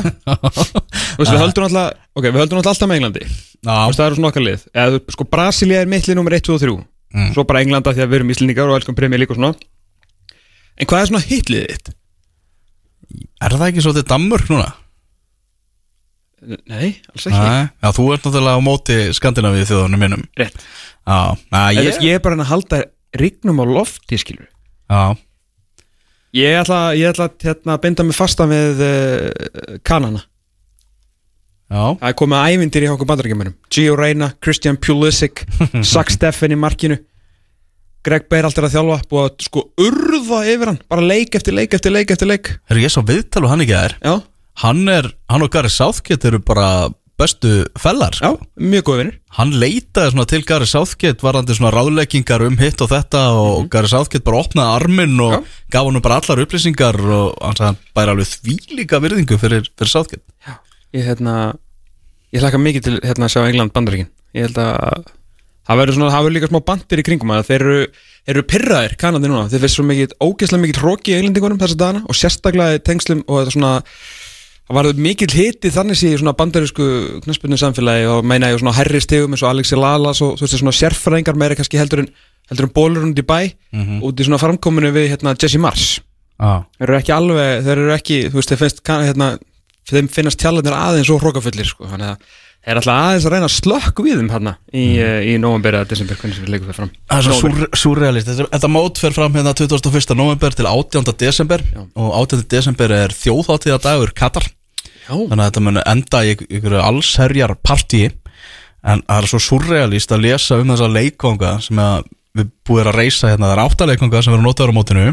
Það er bara hérna Kalafi leikvangurinn sem að uh, var bara til staðar fyrir sjö nýjir leikvangar og enginn þeirra verður í óbreyttri mynd sem þegar mótinu líkur uh, sömur þeirra að vera minkaður um helming bara rifið þarna efri hlutan á stúkunni því að Katar hefur ekkert að gera við fullt af 60.000 manna leikvöngum Nei, sko. nei. ekkert. Uh, það er að mæta hann að þú veist 150 manns á leiki hann í deildinni. Ég sem eru flesti píndi til að mæta. Og hann að einhverjum verður br- breytt í hótel sá ég og eitthvað. Og svo er bara einn hann að leikvangur sem er gámavöllurinn Já, já, já, já sem er byggður við, við höfnina Já. hann verður bara fjarlæður frá, bara, frá grunni sko. hann verður bara horfin eftir HM sko. Já, svo voru bara eitthvað drasslegt í gáman á maður bara hendur þessu yfir hafið og meðan eru við hérna væla og tuða yfir, yfir þessum laugadalsvelli og eitthvað þeir eru bara að byggja einhverja risa leikvanga og rífa það sem bara niður en sko hlutar af, af þessum völlum sem verða teknir verða minkaður um helmingu og eitthvað verða gefnir til þróunarlanda og ég er bara enn að binda vonu við það að bara vanda ringi í Katarar. Að við séum bara mikið þróun að landu fáum gefins hálfan völl frá Katar. Já, það er ógeðslega það væri geggjað. Æ, ég er ánægði þessi kvítþóttur þeirra hann sportswashing hjá þeir eru að ná nýjum hæðum í þessu. Be Beckham er mjög ánægði með þetta Það er búið að borga honum fyrir að vera andlitið og svo ætlar að fara að gefa til þróunar aðstofur og allt svo við gleymum hvað hérna ákvörðið er saman byggt. Herri, ég þarf að fara að drífa mig. Hérna, þú ætlar að taka enska núna í setnumhústanum. Já, heldur betur, ég ætla, ég ætla að heyri kar hérna eftir Kristján ætla Ragnarsinni En þá 1-0, Liverpool. Já, Liverpool 1, Watford 0 Þú ert að fara að lýsa Ég þarf að bruna og lýsa hérna Burnley Manchester City, sjö sérari röð hjá Manchester City gegn Burnley, markatalan 24-1 en mið er alltaf möguleikar minn. Mið er alltaf möguleiki Þátturinn er hins vegar hverki nærri búinn Við mætum hérna aftur eftir smá stund Það er komin uppbótartími á Anfield þar sem að Liverpool er 2-0 yfir á móti Watford hvorki meðlinni minna, það var Fabinho sem að skoraði úr vítaspilnu, var víti á 89. mínútu Diego Sjóta með mark á 20. og annari en uh, þessi leikur er að gera það verkum að Liverpool er að skjótast upp í efsta sæti, hansku úrvarsleildarinnar allavega í bylið því að mannsætti sitt er að fara að mæta Burnley núna klukkan 2 og á línunni er okkar sérfræðingur um ennskapollan Kristján Alli Ragnarsson. Sæll og blessaði Kristján. Herru, þú ert búin að vera að fylgjast með þessu leika á, Anfield, gefðu okkur bara svona stutta skýrslu um það hvernig þessi leikur er búin að vera. Ja, þetta er ekki, kannski ekki besta framistæða tíðanbilsins. Leopold byrjuð sprækir, mér fannst það kannski vanta smá svona ákjæð í þá að sækja marki en það kom upp úr í rauninu svona eina kannski alvöru færi Leopold í fyrirháleik. Það voru, voru ekki að skapa sér mikið en svo kemur trápa fyrirgjöf hjá Joe Gomez og Jota eitt af því sem gera hann að svona upplugum skallamanni er að hann er með frábæra tímasetningar á hlaupunum hjá sér. Og h- hann er alveg á sekundubrotinu alveg á hárréttu skrefi í rauninni að lauma sér fram fyrir varnamannin og sneiða hann í fjárhóttinu uh, hérna rétt áður höfðu Watfordmenn sloppið í gegn og Alisson bjargað maður á móti manni, það var reyndar hefði reyndar held ég verið dæmt rángstæða hérna en, en breytið því ekki að, að, að það var aðvík sem að hefði getað alveg farið í hinn áttina en mínútur setna voru Leopold konur yfir í stæðan fyrir að lenda undir. Setna hálfleik fannst mér Leopold svo eiginlega bara leika sér að eldinum. Mér fannst þetta ekki góð framist að ekkert sérstök hérna það vantaði einhvern veginn takt. Menn voru svolítið að gefa frá sér boltan kæruleys sendingar og það skilaði því að Watford tengu aftur algjör stöðafæru meðan setna hálfleikin og sjá Petro skaut framhjá í rauninni. Gauta Alisson gerir sér stóran og, og reynir að loka markinu eins og hann getur og hann nær honum framhjá Alisson. Maður spyr sér hvort að það sé kannski svona orðspor markmannsins að hafa sín áhrif að því að, að hann kannski hefði ekki þurft að setja hann svona alveg út í stöng en hann rennir boltanum framhjá alveg bara úr einu að döðafærum tímabilsins uh, hefði geta jafnað en að leik þar fyrir Watford sem að mér fannst mjög vel skiplar þetta er náttúrulega bara Hodgson bolti eins og við þekkjum hann. Þegar að það virkar að þá er það gríðalega erfi mjög skipulaðir, mjög varnasinnaðir press á réttum augnablikum hefði alveg geta tekið eitthvað úr svona eika því að eins og ég segi þeir nulluðu svolítið Leopold út, þetta var ekkert frábær fram í stæði á Leopold en það kannski hefur sitt að segja að, að þú ert kannski með einstaklingsgæðin til þess að, að klára svona leiki svo það kemur þeim yfir og svo kannski skrýtnu glímubröð hjá Kúka hérna í lokin, ég veit ekki hvað hann er að gera að grípa bara báðum höndum utanum Jota og, og rífa niður í tegnum. Og boltin kemur ekki einu sinni til þeirra en dómarinn gati í rauninni ekkert annað en hann fór í var en að dæma að víta það.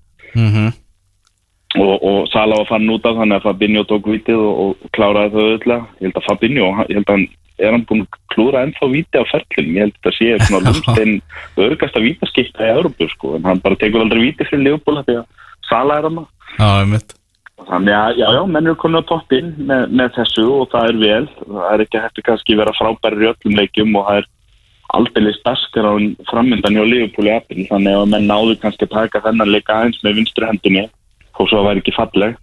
Mhm. að þrjústið eru þrjústið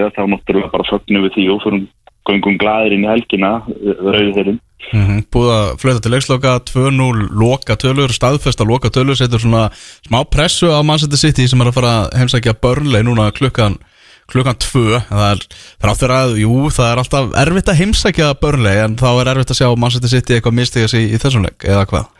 Já, sko, Tómas náttúrulega fór ítla, með okkur Liverpool menn hann á kaldar kveðjur í síðustu orða og hann gekk út úr stúdíu hjá þér. Ég ger ekki ráð fyrir neinu sko, þeir viljast hafa verið með börnlegi vasanum á, á þessum á törfmór síðust árin og ég ég hissa ef að það næðist eitthvað annað í, í eða þú veist ef úslitin er eitthvað önnur í ári en maður veit svo sem aldrei sko. En þetta allavega, þetta allavega er ljóst hvað sem verður í dag hvort sem sitt í tapar gerir jafntefnilega vinnur að þeir eru þá tveimur stegum á eftir Leopold, stíja á eftir Leopold eða stíja undan Leopold þegar liðin mætast á eftir hatt um næstu helgi. Já, menn er eitthvað búin að tala um hérna 10. apríl. Já, eitthvað aðeins. Þannig að þú veist eh, hérna, við erum alltaf með topparáttu í járnum og, og hérna annarlið þarf að sækja sigur í þeim leik, það er ekkit annað. Það eru bara að þeim leik loknum og þá verða sjöumferðir eftir. Og það lið sem er á, fyrir ofan þegar að þeim leik líkur er í rauninni bara nánast á beinubröttinu, það að þetta eru lið sem að eru vön að taka bara, veist nýju sigra á eitt jættubli eða átta sigra á eitt jættubli í síðustu leikin. Þetta er bara það sem þessi lið gera. Þannig að ef ég væri til dæmis City eða Liverpool þá væri ég ekkert að fara í þann leik og segja heyrðu stórmestari jættubli við erum stíja eftir en við getum munnið það upp í síðustu sjöumförunum. Ég er bara stressað að segja heyrðu þetta er sensin.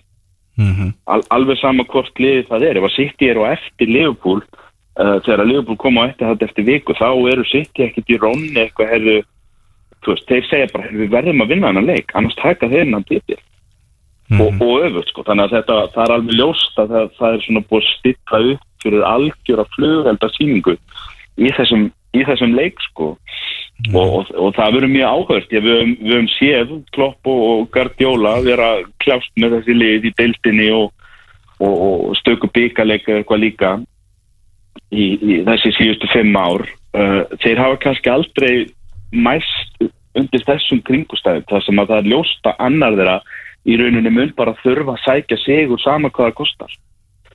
Og, og það náttúrulega breytir svona breytir formerkjunum fyrir leikin hvernig báðu þið þjálfar að koma til með að stilla upp hvort þeirra verður stíin eða tveimur og undan og, og hvort að það hefur áhrif. Ég viðkynna það sem leifbólmar ég er örlítið fættur við það það er náttúrulega alltaf betra að vera ofan á, á, á toppnum fyrir hennar leik en ég væri kannski svolítið stressaður samt á vissuleiti ef að Liverpool þá fyrir maður kannski óttast hefur verða kannski Liverpool og passífur ætlaður að koma til að reyna að ná í jafnteflið og, og halda aftur af sitt í Mhm. og meðan að það gæti seinlega verið svona veist, þegar, að, þegar þú ert í þeirri stöðu þú bara verður að vinna að þá er alltaf að búið að taka það ákvörðun að þér þú átt ekkert eftir annað en bara blása til sóknar Mhm. og, og ég treysti bæði Gardiola og Klopp fullkomlega til að gera það hvort þeirra sem verður í þeirri stöðu þannig að það eru, það eru margir fletir á þeim leik vissulega og hérna en við skulum nú byrja á að sjá hvað sitt í gera þetta ég, ég við steinhissaður takk ekki þrjústíðin og til þessu aftur á toppin en,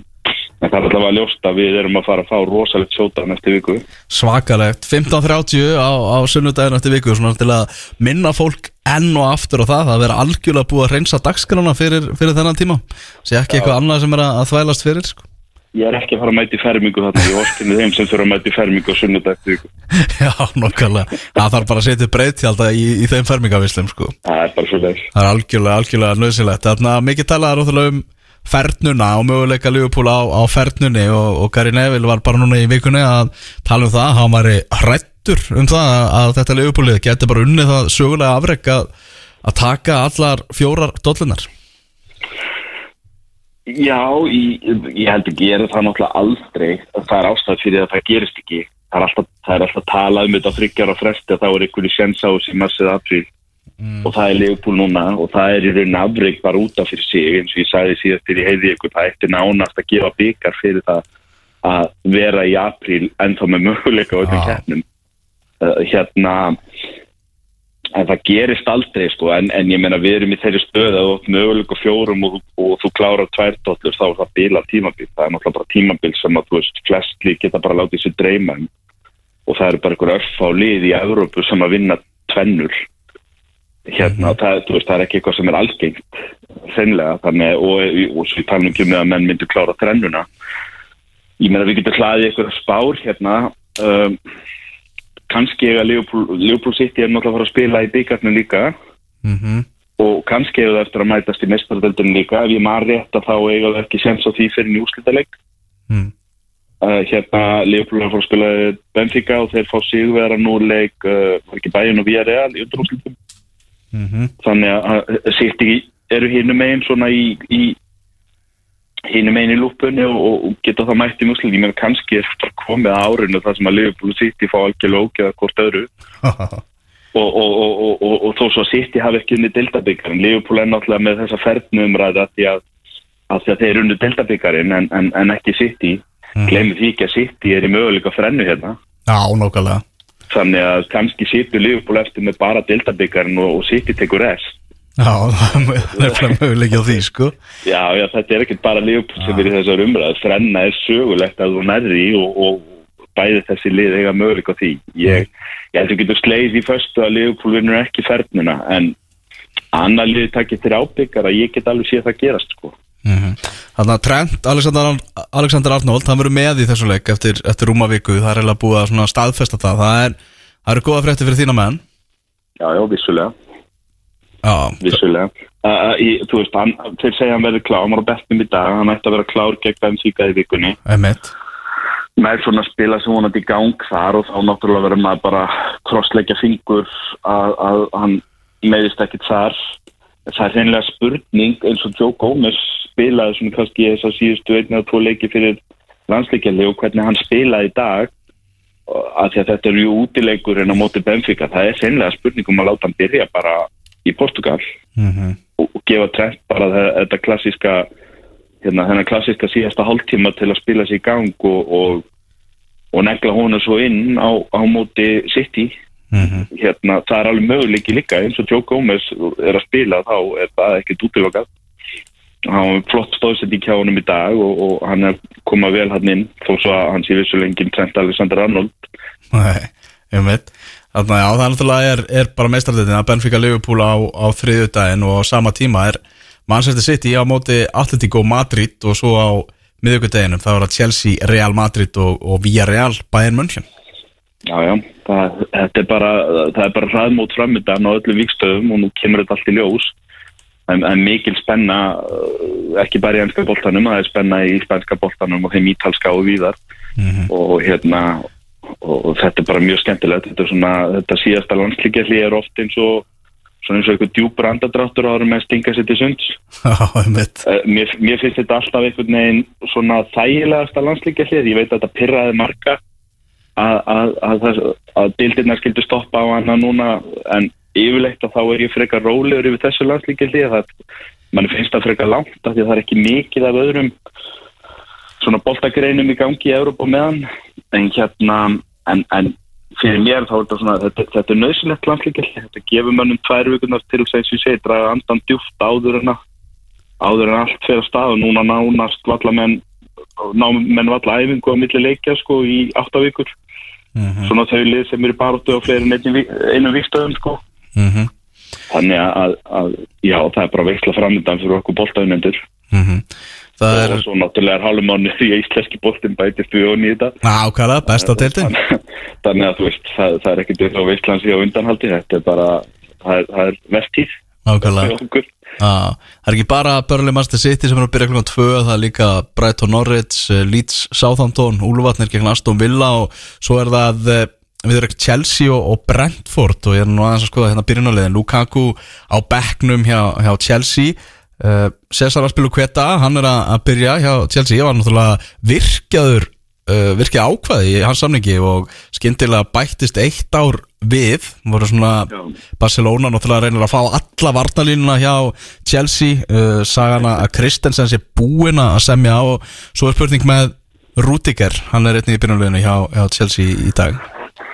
Já, Rúdiger er náttúrulega eftirsóttur. Hann, það er leikmaður sem hefur í rauninni svona svolítið, hvað ég að segja, ég kannski ekki slegi gegn, en hann hefur allavega svona endurist sitt orðspor eftir að Túkel tók við liðinu. Mhm. Ha- Hann, hann var ekki einu sinni fastamæri liðinu hjá Lampard, sko. og, og, og hérna, ég skilða alveg vel að hann hafi bara ákveða róanum með, hann virðist ekki vilja semja aftur hjá Chelsea. Þá eru líka margir um hituna, það hefur orðan við lið í Englandi og og eins og þú segir á Spáni og svona. Maður veit ekki alveg eftir hverju hann er að býða þar eða hvað hann velur. En hérna, ég verða að viðkjönd það, ég veit ekki alveg hvað Barcelona er að sækja Anders Christensen.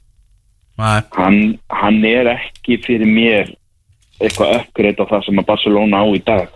Þegar maður horfður á gamla manni Píkja og svo horfður maður á Ronaldo Araujo sem að eh, vera mikið efni. Mhm, og Erik Garcia líka. Er Anders Kristensen sá sem þú sækir til þess að búa til þar einhverja miðjafrasi, ég veit ekki. En, en Xavi Hernandez eins og komið ljós fyrir hálfum mánuði á, á Bernabá, hann veit þetta betur en ég þannig að ég skal, ég skal býða með þau mótmæli allavega til að byrja að spila fyrir Barcelona í höst já, en hérna, en, en já Chelsea eru Chelsea eru svolítið í svona einhverju ég veit ekki hvað þú kalla einskismannslandi í deildinni, þeir eru náttúrulega í rauninu öryggi með topp fjóra en ekkert meira en það. Og, og þeir geta einbytt sér bara að mistara deildinni mhm, svolítið og, og, og eins og við sáum í fyrra þá, þá þýðir ekkert að afskrifa þá það þeir eru alveg lið sem geta farið alla leið þar. Þeir eru með mannskapinni þeir eru með þjálvarann þeir eru í fyrra. Það er erfitt að verja titilinn. En þeir geta það alveg. Hérna, þannig að það er, það er til heilmikis að spila hjá, hjá Chelsea. Mín augu verða svolítið líka hugsa ég í dag á, á Leeds. Sjá hvað þeir gera. Mhm. Þeir geta svona, ef þeir vinna hennan heimaleik ekki sáðandum, þá geta þeir svona nánast klára sig úr, úr fallrögnum sko, af því að ég, þá eru það hvað 5 eða 6 stig niður í Watford og, og Burnley ef að Burnley skildi tapa fyrir sitt í dag. Og ég sé þessi ekki brúa það. Þá eru rauninni bara Everton eftir í umræðinni fall umræðinni Nákvæmlega.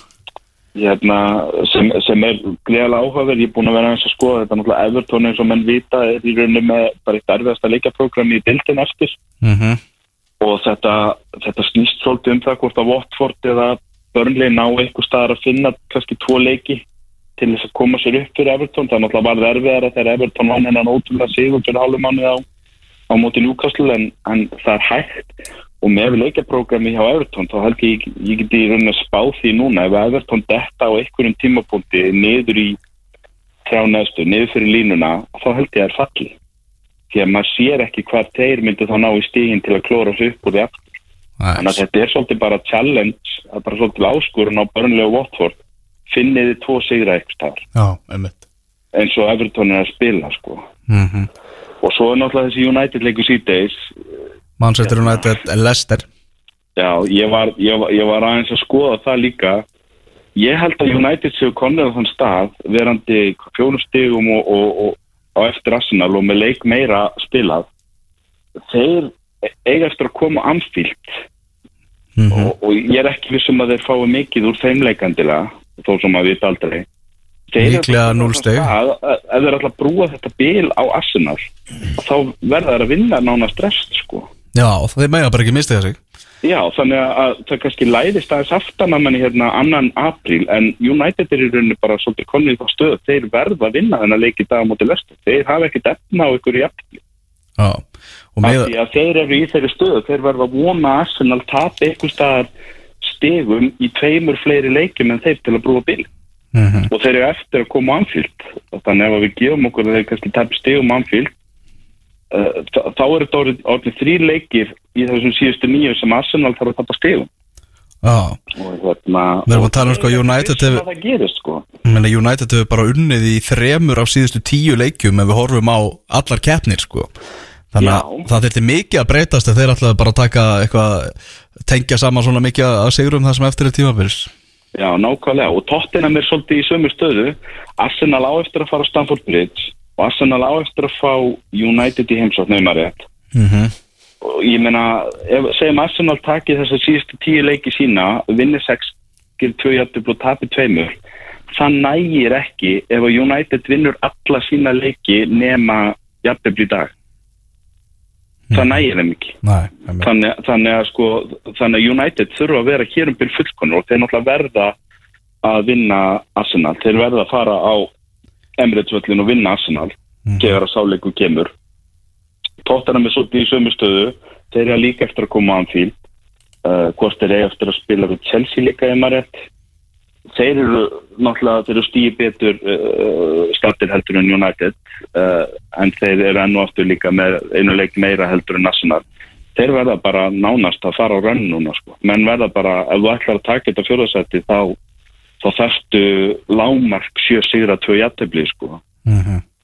hérna, þannig að svo, svo hérna, svo barótt er hörsku spennandi, en ég meina þau eiga bæði heimaliki, kannski vinnur United Leicester núna og, og Tottenham, hvað, Newcastle á morgun og svo kannski tapar Arsenal þegar eiga erfiðan útileikum til Crystal Palace á mándaginn, Mhm. þá lítur þetta allt í en öðru í sút, en Arsenal eiga þó samt alltaf leikindi góða. En, en eins og staðan er núna þá horfum maður á þetta og sérstaklega kannski United meginn sem að hafa verið vandræð með að fara á svolítið rönn. Þeir þurfa bara að fara á rönn núna. Þeir þurfa bara að klára eins og eitt af tveimur, þreimur sterkustu liðunum þennan síðasta fjórungin ef þeir ef þeir ætla að taka fjórastætti Mhm. Aðeins í, þannig að sá, sá leikur verður alveg rísastóri í rauninni fyrir United núna síðdegi sem mútið lestir nákvæmlega, sá leikur klukkan 16.30 uh, Erik Ten Hag uh, stjóri Ajax, hann virðist svona ef maður er að svona reynir að rýna í ennsku pressuna, í ennsku götublöðin þá er svona eins og hans í orðin já, bara fremstur í, í barátunum að verða næsti stjóri Manchester United, uh, að tala svona líklegastur eins og staðan er núna uh, það er svona, hann er búinn að fara á fund náttúrulega með United, uh, talað um Pochettino sem þetta líka búinn að, að ræða við á en það er einhverja fréttir í ennsku blöðunum um að þeir séu Já, United sé reynilega búið að kynna sér það nákvæmlega hvað, hvað þarf til að losa hann frá Ajax, hver mikið þau þurfa að borga og allt hannig. Þannig að svona að að orðin númer eitt bara ja, algjörlega favorit í að taka við þessu liði í sumar. Já, hann er, hann er spennandi kostur, vissulega. Hann, hann hefur það svolítið á móti sér að sko það er alltaf spurning hversu alvarlega menn taka hann þegar hann er að koma sko ekki úr einu af, af stærstu deildunum. Og hollenska Eredivisie er, er bara ekki á sama leveli þar ef þú ætlar að skoða eins og Bundeslíkan eða, eða, eða spænska deildin eða svo ítalska en hérna en, en hans rekord er í rauninni talar alveg sínum hálið þetta er náttúrulega maður sem fór í undan og slíti mestardeldinni með Ajax hérna þreymur árum.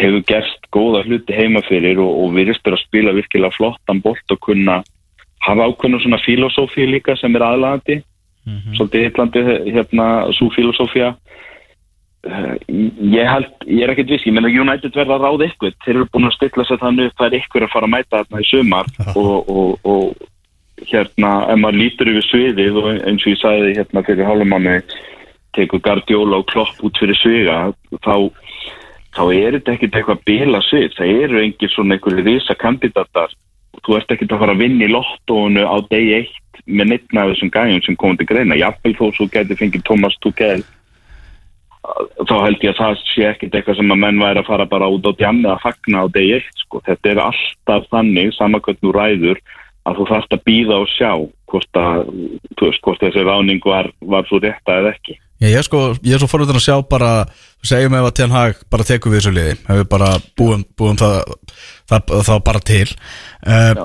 Þannig að, þú veist, hvernig, hvernig verður hans, þú veist, kynntur fyrir stuðningsmönnum Manchester United, hver verður, hver er verið áallandar, ég meina United er, er að fara núna í gegnum fymta tímabili í röð án þess að vinna titil, öll þessi vandamál sem er í gangi nóga stórstjörnum en engin liðsheilt og, og allt það, ég meina, þeir eru alltaf að fara að kynna þennan mann frá Ajax að hann er bara að koma og, og svo á næsta tímabili þá verður bara allt stórkostlegt og, og byggarar að fara á loft, ég meina United þarf einhvern veginn aðeins að, anda vera og, og það þarf að byggja þetta upp frá grunni úr, úr rústum nánast.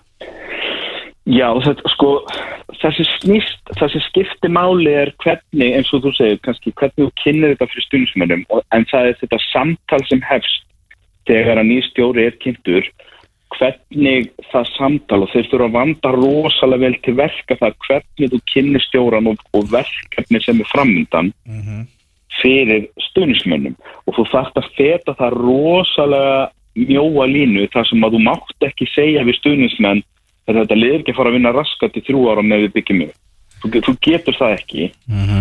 Af því að þú þarft að selja ásmiða og þú þarft að selja treyjur og þú, þú til þess að klubburinn geti haldið svona sínum fjárhagslega stöðuleika sem gerur honum kleift að styrkja sig. Sérstaklega sem ég tala ekki um ef þeir eru kannski ekki mistaralleitin í sumar.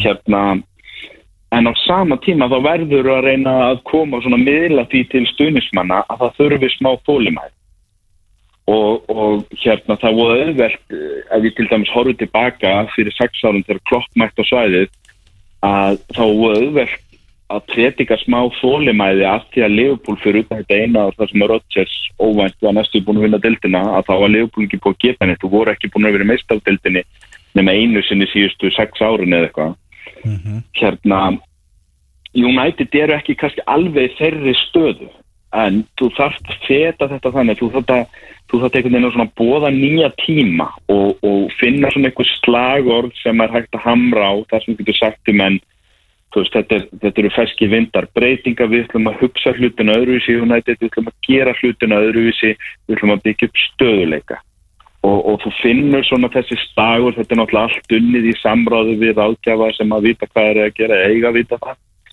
Þannig að það er ekki bara nóg að ráða Pochettino eða ráða Erik Ten Hag eða hvað hann mun heita.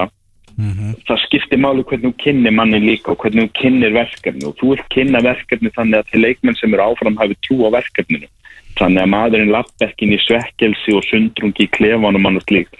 Það er alveg ljóst hver sem mætur hann inn mun fyrir að taka á stórum málum í leikmannahóknum og hann mun fyrir að taka sínar ákvarðanir um hvaða leikmenn hann vil vinna með og hvaða þessum leikmennum uh, eru búin með sín síðasta sénst. Það mun allt skipta málu, þetta er allt stórar ákvarðanir og svo náttúrulega verða menn að fóla það að við komum að kannski taka ekki allt bara réttar ákvarðanir til að byrja með eins og til dæmis í leikmannamálum það getur vel verið að veði á Markus Sassford eða eitthvað sem að síðan reynist hafi verið rámt og menn segja eftir og hefða hann eða þetta selja hann eða eitthvað svoleiðis.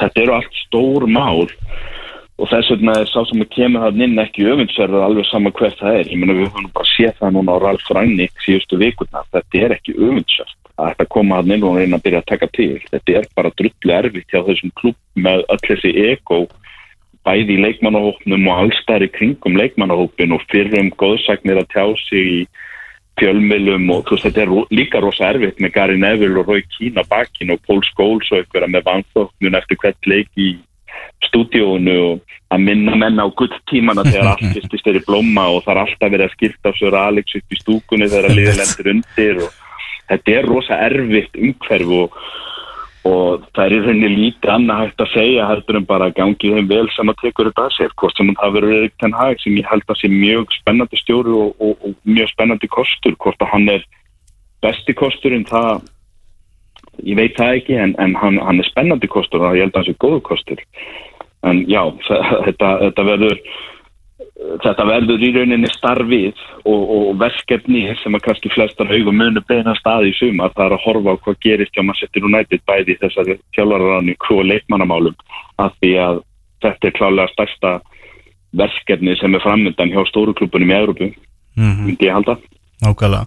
Þarna áðurinn sleppar Kristján og myndist aðeins á hennan leik á, mánudaginn Kristal Pallas á móti Arsenal. Þetta er líka svona mjög skemmtilegu leikur að Kristal Pallas svona í því þeirri vegferð sem að þeir eru í undir stjórn Patrik Viera sé að fara að taka á móti Arsenal þar sem að náttúrulega Viera er, er algjör, algjör góðsögn Já, já.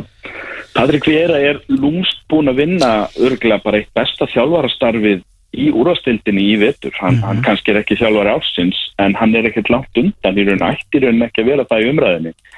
Af því að ef við rifjum upp hvernig Kristal Pala stóðu síðasta sömar, það var ekki bara það að Rói Hodgson væri á leiðinu eftirlaun sem að náttúrulega endist álíka lengi og eftirlaunni hjá Tom Brady. Hodgson getur aldrei sleppt þessu þegar að menn hringja í hann. Heldur líka það að þeir voru með Krista Pallas með mjög aldra lið. Þeir voru konur með mikið af líkilmönnum á aldur og mikið af mönnum með lausa sanninga þannig að þeir þurft að fá leikmenn þeir þurft að yngja upp, þeir þurft að fá með nýja leikmenn og það vissir um engin hvernig svona svo til óreindur stjóri þó svo hann verður náttúrulega góðsökt sem leikmaður gæti komið þarna inn, sótt unga leikmenn og tækist að hnóða saman úr því liði sem að án þess að lenda sko í einhverjum vandræðum og ég talaði um það í haust að það gæti alveg eins verið ég spáði því meira að það gæti alveg verið að Patrik Vera er fyrst í stjónu til að taka póka sinn Mhm. ef hann vogaði sér að byrja illa af því að ég var ekkert viss um að að þetta væri eitthvað sem gæti virkað svona fyrir jól og menn gæti jafnvel verið bara vondum málum að reyna snóða saman eitthvað ungt glið undir þessari pressu. En svo bara svo bara var við erum einhvern veginn bara með þetta. Og strákarnir sem að sóttu voru mjög spennandi og hérna og, og þetta lið er bara búið að vera með delt þeir hafa aldrei verið einhvern veginn nálega fallsætunum, þeir hafa verið að spila flottan fótbolta. Og það mættar stöðuleika í þá hérna, en, en, en á fyrsta tímabilið þá hljóta menn að vera bara í skíunum með Patrik Vera hjá Krista Pallas og, og ef hann getur byggt á þessu með kannski örfáum tilfæslum á leikmannamarkanum í sumar og, og átt svona kannski stöður að tímabila næsta ári með þann fótbolta sem hann búin að láta lifir að spila þá, þá held ég að Patrik Vera sé bara stimpla sig inn sem einn af efnilegri þjálfurum í þessari deild sko. Og, og mögulega mögulega, af því að við náttúrulega vitum ekki þessum tímabúndi hvað mikilvægt þetta er lengi stjóri Arsenal hvort að hann er komin aftur í vesen hann um jólin eða hvort að hann verður hann næstu tíu árin. Mögulega erum við að horfa á hann spila við artaka sinn eða keppa við artaka sinn á mánudaginn. Patrik Vera er ef hann stendur sig vel á Krista Pallas er klála maður sem að verður í umræðinu massanarfstarfi hvernig sem það er næst löst Já, já. En eins og staðan er núna þá er svona ekki já, það er áhugaverðu leikur ekki bara Já. að því Arsenal þurfa að vinna til að halda fjóðarsætinu og, og Pallas er að spila flottan bolta heldur það verður áhugast að fylgjast með þessum stjórun líka og kannski reyna aðeins að mæla þá og, og vega þá og meta gegn hvort öðrum líka Mhm. Þessi svona spennandi vegferð sem er í gangi hjá Arsenal undir stjórnar þetta með allar þessar ungu leikmenn þurfa náttúrulega að bæta við sig sóknarmanni og munu reyna það alveg klálega í sumar er ekki svakalega mikilvægt fyrir það að ná inn mestara delta sætinu bara líka til að já, lokka sóknarmanni í þeim gæðaflokki sem allt þetta vill. Það er svona pústli kannski sem að vantar í, í lið Jú, sko, ef Arsenal missir að mistartildarsætinu þá held ég að sæki samt örgulega einn eða tvo flotta, flotta nýjur í sumar og, og, og byggja á því sem það er fyrir. Ég held úr stöðinu eins og hún núna þá er það bara svo mikið svekkelsi. Já, að það er, það er alveg svona hættu að stígandin mynda eins missa mark eða missa flugið innan félagsins ef að, ef að þeir klúraðis úr því sem kom með það, það er aðalega það sko, það, það er að menn hafi trú á verkefninu, trú á stjóranum trú á sjálfum sér. Stúkan hefur trú á leikmönnunum inn á vellinum. Ef þeir kláraðið úr þessu þá er Arsenal bara klúppur sem er bara stemmingsklúppur á uppleið. En á móti kemur að þeir klúra þessu að þá þá hérna að þá, þá, þá gæti veist, þetta er bara svo svekkjandi fyrir Arsenal að vera þessu dauða færi og klúra því en, en hérna ég heldur kláraðið úr þessu aðalega því að eins og ég segi ég er ekkit vissum að ég sjá í United eða Tottenham sína þann stöðleika þar, sem þar til að fara það rönn til að hoppa upp fyrir þá. En, en, en við höfum svo sem verið í þessari stöðu með Arsenal aður og þeir hafa verið svona sérfæðingar stundum í að kasta hlutunum frá sér á vorin. Það má bara ekki gerast aftur það má bara ekki gerast fyrir þá úr þeirri stöðu sem þeir eru Nákvæmlega. Er það fimm leikir að byrja núna klukkan tvö? Þú ætlar að fara að þjóstnast á, fjastýringunni Kristján? Já, áfram börnleg Áfram maður, næstu tvo tímana. Heyrðu, takk ég alveg fyrir þetta. Ávalt ánæg Sumleis, Heyrust, bye bye bye Já, Kristján Alli Ragnarsson Atna eins og við komin á áðan. Leopold er á toppnum sem stendur í ennsku úrvastildinu eftir 2-0 sigur á móti Watford áðan. Manchester City getur síðan endurheimt. Efstasætið er að að gefa á móti Burnley núna á Turf Moor í aðalegnum á Siemens Sport núna klukkan 2 uh, og svo sjálfsög Manchester City Liverpool 10. apríl rúm vika í þann leik, aðri leiki sem að verða klukkan 2, það er Chelsea Brentford, það er Leeds Southampton Úlfarnir gegn Aston Villa og Brighton á móti Norwich. Og svo klukkan 16.30 það var það viðrögn Manchester United og Leicester leikur sem að Manchester United bara verður að vinna.